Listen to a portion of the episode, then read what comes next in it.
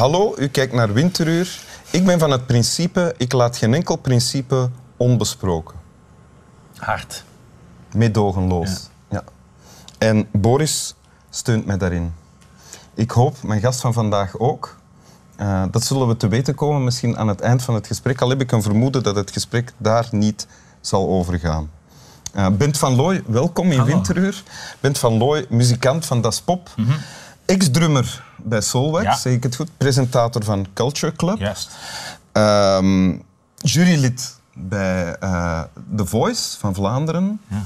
Schilder ook. Kledingontwerper. Ja. Iets kledingontwerperachtig. Ondertussen is Boris recht gaan staan.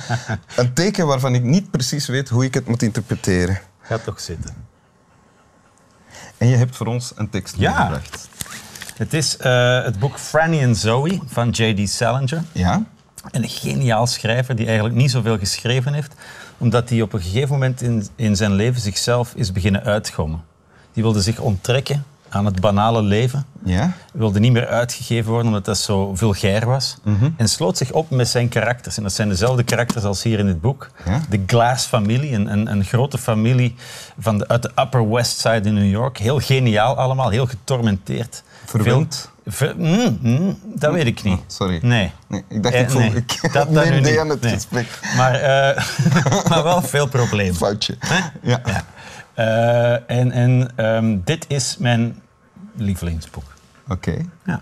En je gaat een fragment lezen. Moeten we iets weten over... Ja, eh, dus die kinderen zijn allemaal heel geniaal, hebben allemaal op een bepaald ogenblik in hun leven deelgenomen aan It's a Wise Child, een heel bekende radioquiz. Ja. Ja. En het fragmentje dat ik ga lezen eh, gebeurt backstage net voor ze opgaan. Ja. Het is de oudste broer Seymour die spreekt tegen de jongste broer Zoe. En het gaat over het poetsen van je schoenen. Je moet je schoenen poetsen. Ja. Zegt Zoe tegen... Seymour zegt dat Seymour tegen Zoe. tegen Zoe, ja. Luister maar. Seymour told me to shine my shoes just as I was going out the door with Waker, een andere broer.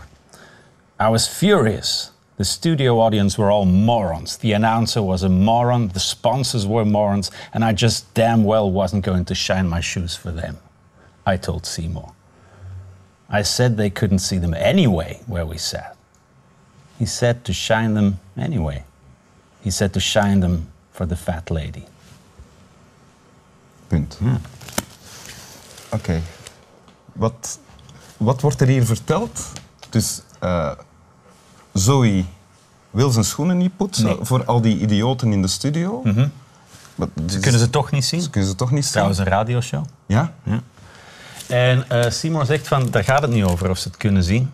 Poets ze voor de fat lady. Dat is een abstracte figuur. Ja. En, en dat is eigenlijk heel mooi. En wat volgt is dat eh sowieso ook echt poetst. Ja, Zoe poetst iedere show voortaan zijn schoenen. Ah ja. Puur Voor, voor de fat lady, puur om het poetsen van die schoenen zelf. Om het moment, om de actie, om de zuiverheid daarvan, denk ik. Ja. en dus Seymour helpt Zoe hier Ja. door dat te zeggen. Ja, dat is een goede oudere broer. Ja? Geeft hem wijze raad. Eh, Zoe is, is, is een acteur en, en worstelt met zijn ego. Ja?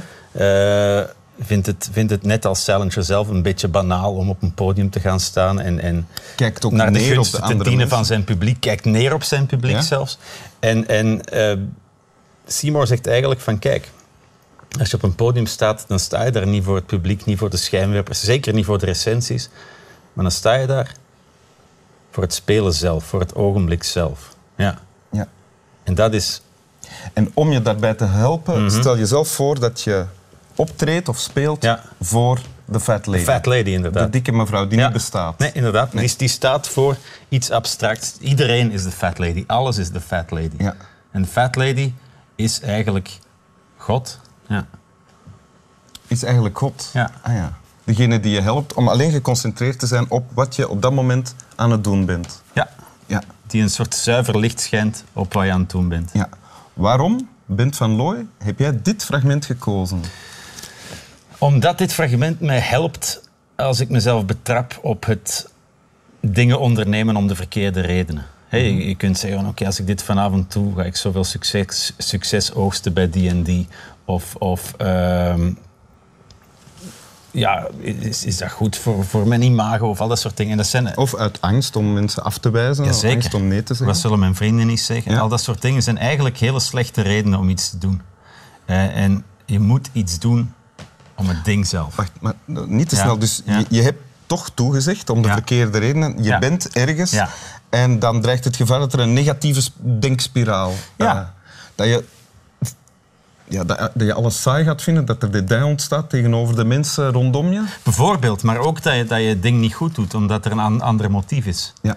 En, en het, het goed doen van het ding is echt blijven bij het ding zelf. Ja. dat klinkt makkelijk, maar dat is heel moeilijk. Ja. Omdat die afleiding altijd op de loer ligt. Oké, dat is dus iets dat jij bewust doet. Of al hebt moeten doen. Nee, als ik er mezelf op betrap, dan, dan merk ik dat wel. Ja. En hoe doe je dat dan? Op welke manier maak je die switch? Je merkt van jezelf van, ik ben... Maar dan denk ik aan dit boek. dan denk je aan dit boek. Ja, dan denk ik aan dit boek en, en dan... Je kent het boek goed dan. Ik heb het al heel vaak gelezen. Ah, Tien ja. keer of zo. Ik moet het eigenlijk ieder jaar een keer herlezen. Eh, als het even niet meer gaat. Of, of, of ik voel mezelf dunner uitgespreid worden, dan neem ik dit boek. Zoals andere mensen een eh, meditatiekuur volgen. eh, Dit, dit is echt een meditatiekuur Echt waar, in ja? 200 bladzijden. Ja. ah ja. Dat is echt wat dat is. Dat is ten eerste een heel mooi... De eerste keer dat je het leest, denk je van wauw, een coole familie. Van een prachtig huis wonen die in. Hm? En de tiende keer dat je die leest, lees je dat echt als een soort van meditatie. Ja. ja. En, maar is dat dan ook letterlijk echt zo? Je, gaat, je treedt op, bijvoorbeeld, en er is iets negatiefs dat Mhm. Ja. in de weg zit. Ja. Je merkt dat dan... Ik denk aan, aan, aan wat Seymour zegt. Ja. Ah ja. In dit fragment? ja? Oké. Laat ons eens kijken of het voor ons ook op dezelfde manier werkt. Want ik denk dat wat je beschrijft iets is dat iedereen kent. Want het, sommige mensen kunnen het sleur noemen. Het gaat, ook, het, gaat, Ja. het gaat over de manier waarop je eigenlijk naar je omgeving kijkt. Hè? Ja. En eh, dat die vervuild is eigenlijk door negativiteit. Niet alleen door negativiteit, door onnodige ballast, denk ik. Ja. Ja. ja. Oké. Ik ga het nog één keer lezen. Als het dan. aan de hand is, Ja. dan kan het ons misschien helpen om onszelf te herinneren aan dit fragment in de hoop dat we het beleven zoals Bent van Looy het beleeft. Waartoe hij ons geholpen heeft door er duiding bij te geven. dit is gedaan. weer typisch zo'n soort zin waarvan ik eigenlijk eh, in wil blijven. Maar bon, Hij is gebeurd. hij is gebeurd. Ja, Oké. het is voorbij. Seymour told me to shine my shoes just as I was going out the door with Waker. I was furious. The studio audience were all morons. The announcer was a moron. The sponsors were morons, and I just damn well wasn't going to shine my shoes for them, I told Seymour. I said they couldn't see them anyway where we sat. He said to shine them anyway. He said to shine them for the fat lady. Oké. Vanaf nu doen we het daarvoor. De fat lady. goed. Slap wel.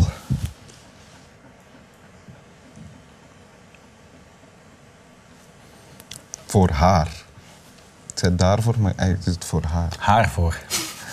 Vanaf nu doen we het haar voor.